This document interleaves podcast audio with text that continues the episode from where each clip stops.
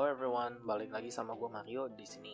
Di episode kali ini, gue mau lanjutin pembahasan dari episode kemarin tentang kenapa publisher masih sangat penting dan dibutuhkan di era sekarang. Pertama, mari kita lihat terlebih dahulu landscape era digital distribution sekarang itu seperti apa.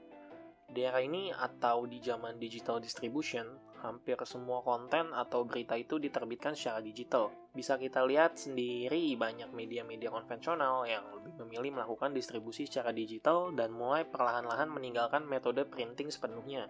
Majalah-majalah dan katalog yang sekarang mungkin sudah kita tidak perlukan lagi karena adanya online shop yang bisa kita akses di handphone kita kapan aja dan di mana aja kita juga nggak perlu lagi pergi ke toko secara offline untuk membeli barang-barang yang kita inginkan.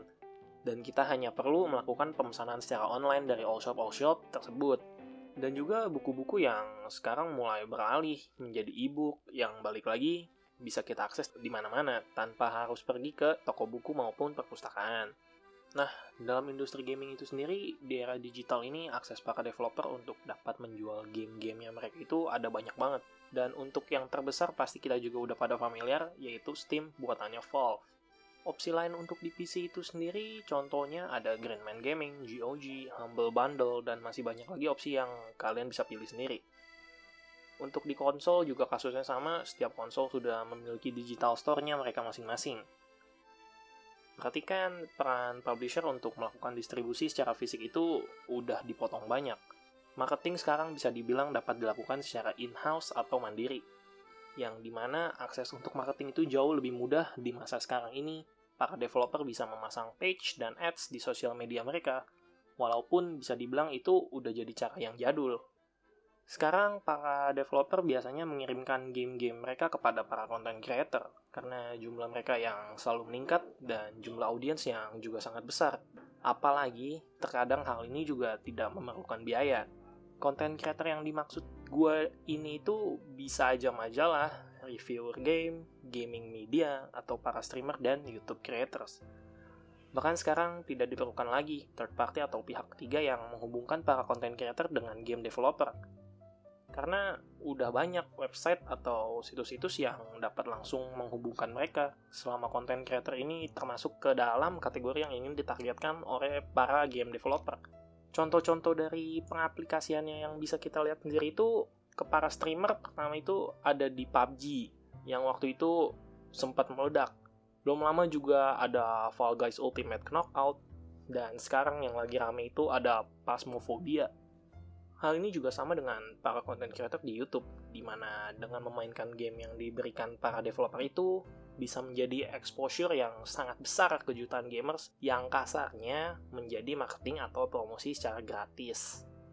Tapi di lain sisi, di era digital sekarang itu semakin sulit untuk dapat menjual suatu video games. Alasannya karena sekarang semakin mudah untuk orang itu membuat suatu game.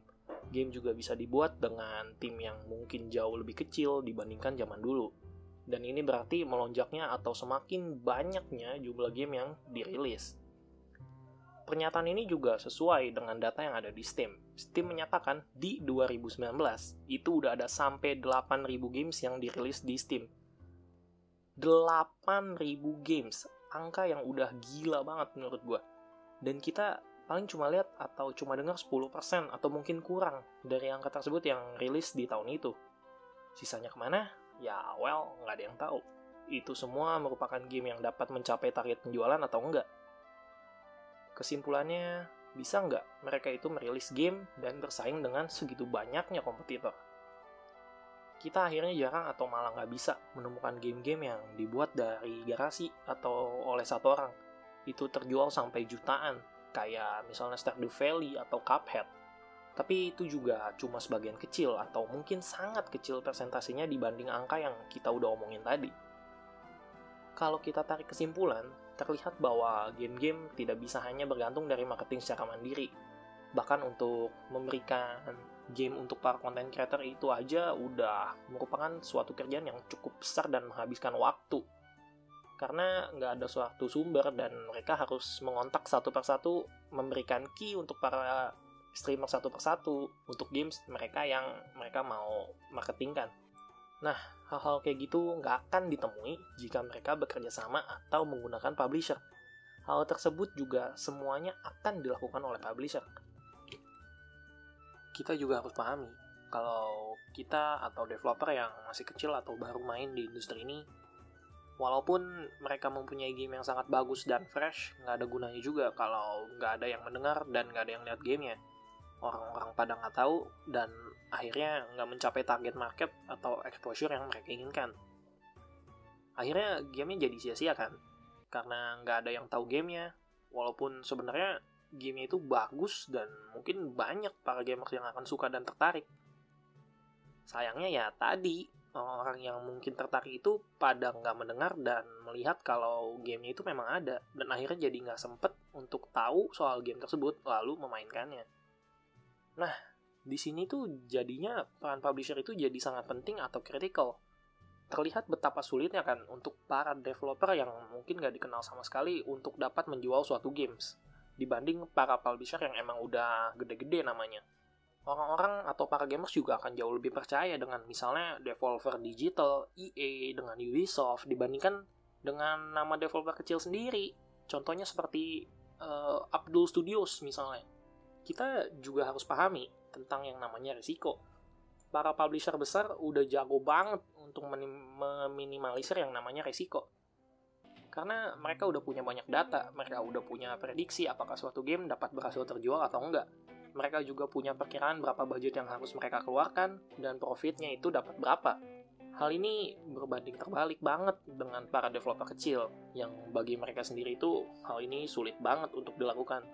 Mereka harus ambil resiko yang besar atau gambling kalau mereka bisa berhasil atau enggak dengan mengeluarkan uang mereka yang buat bikin gamenya aja itu sebenarnya udah pas-pasan dan harus dipakai untuk kebutuhan marketing. Nah, kalau kalian bandingkan nih dengan game-game yang AAA yang bisa aja tuh sebenarnya budget marketingnya lebih besar dibanding budget buat bikin gamenya itu sendiri kenapa tuh bisa begitu ya karena mereka tuh udah tahu mereka udah yakin bahwa data-data mereka itu akurat untuk mendapatkan penghasilan A perlu dikeluarkan biaya marketing B dari data tersebut juga akhirnya mereka bisa yakin bahwa walaupun mereka mengeluarkan biaya untuk marketing yang melebihi biaya untuk membuat gamenya itu sendiri tetap aja akan menghasilkan profit yang besar untuk mereka. Karena pada akhirnya game-game yang jelek atau nggak maksimal pun tetap akan berhasil dalam penjualan kalau didukung marketing yang gila-gilaan. Contohnya aja nih, Watch Dogs yang pertama itu. Itu game tetap dapat sales yang tinggi kan, walaupun akhirnya ada backlash juga karena banyaknya bugs dan downgrade yang dilakuin sama Ubisoft. Atau contoh lainnya itu, ada No Man's Sky. Itu game emangnya sebagus dan seplayable itu buat bisa dimainin waktu dia baru-baru rilis. Tapi balik lagi kan, ujung-ujungnya penjualannya tetap bagus juga pada akhirnya. Dan untuk uh, yang terakhir, last but not least, itu adalah masalah fasilitas yang diberikan oleh para publisher berupa para talent untuk membantu membuat game dan kesempatan untuk dapat merilis game tersebut secara multiplatform lebih mudah. Karena untuk dapat membuat game secara multiplatform diperlukan kerjasama juga yang cukup kompleks antar perusahaan dan dengan bantuan publisher, hal itu bisa menjadi lebih mudah. Dan di sisi lain, kenapa publisher juga masih sangat penting itu? Karena tetap diperlukannya adanya suatu balance. Perlu adanya peran yang ngasih tahu deadline, ngasih tahu target, dan lain-lain. Kalau misalnya suatu studio juga berjalan tanpa publisher dan berdasarkan passion murni aja, bisa juga berakibat fatal atau akhirnya malah jadi detrimental. Contoh nyatanya di sini itu ada Star Citizen, terbuat dari tim yang sangat passionate banget untuk dapat membentuk game impiannya mereka. Game yang menurut mereka itu akan merobek semua tentang open universe game dengan menciptakan Star Citizen. Berjalan udah sangat lama dan ngabisin banyak banget uang. Karena semua hal kecil mereka mau buat, semua hal mereka mau sempurnakan, semua fitur mereka mau masukkan, semua kemajuan teknologi mau mereka gunakan. Jadinya kayak nggak ada akhir dari development cycle-nya. Karena selalu aja ada hal yang baru lagi dan menarik. Dan ujung-ujungnya, gamenya itu ngaret jauh, nggak dirilis-rilis. Dan lama-lama yang nungguinnya juga jadi capek.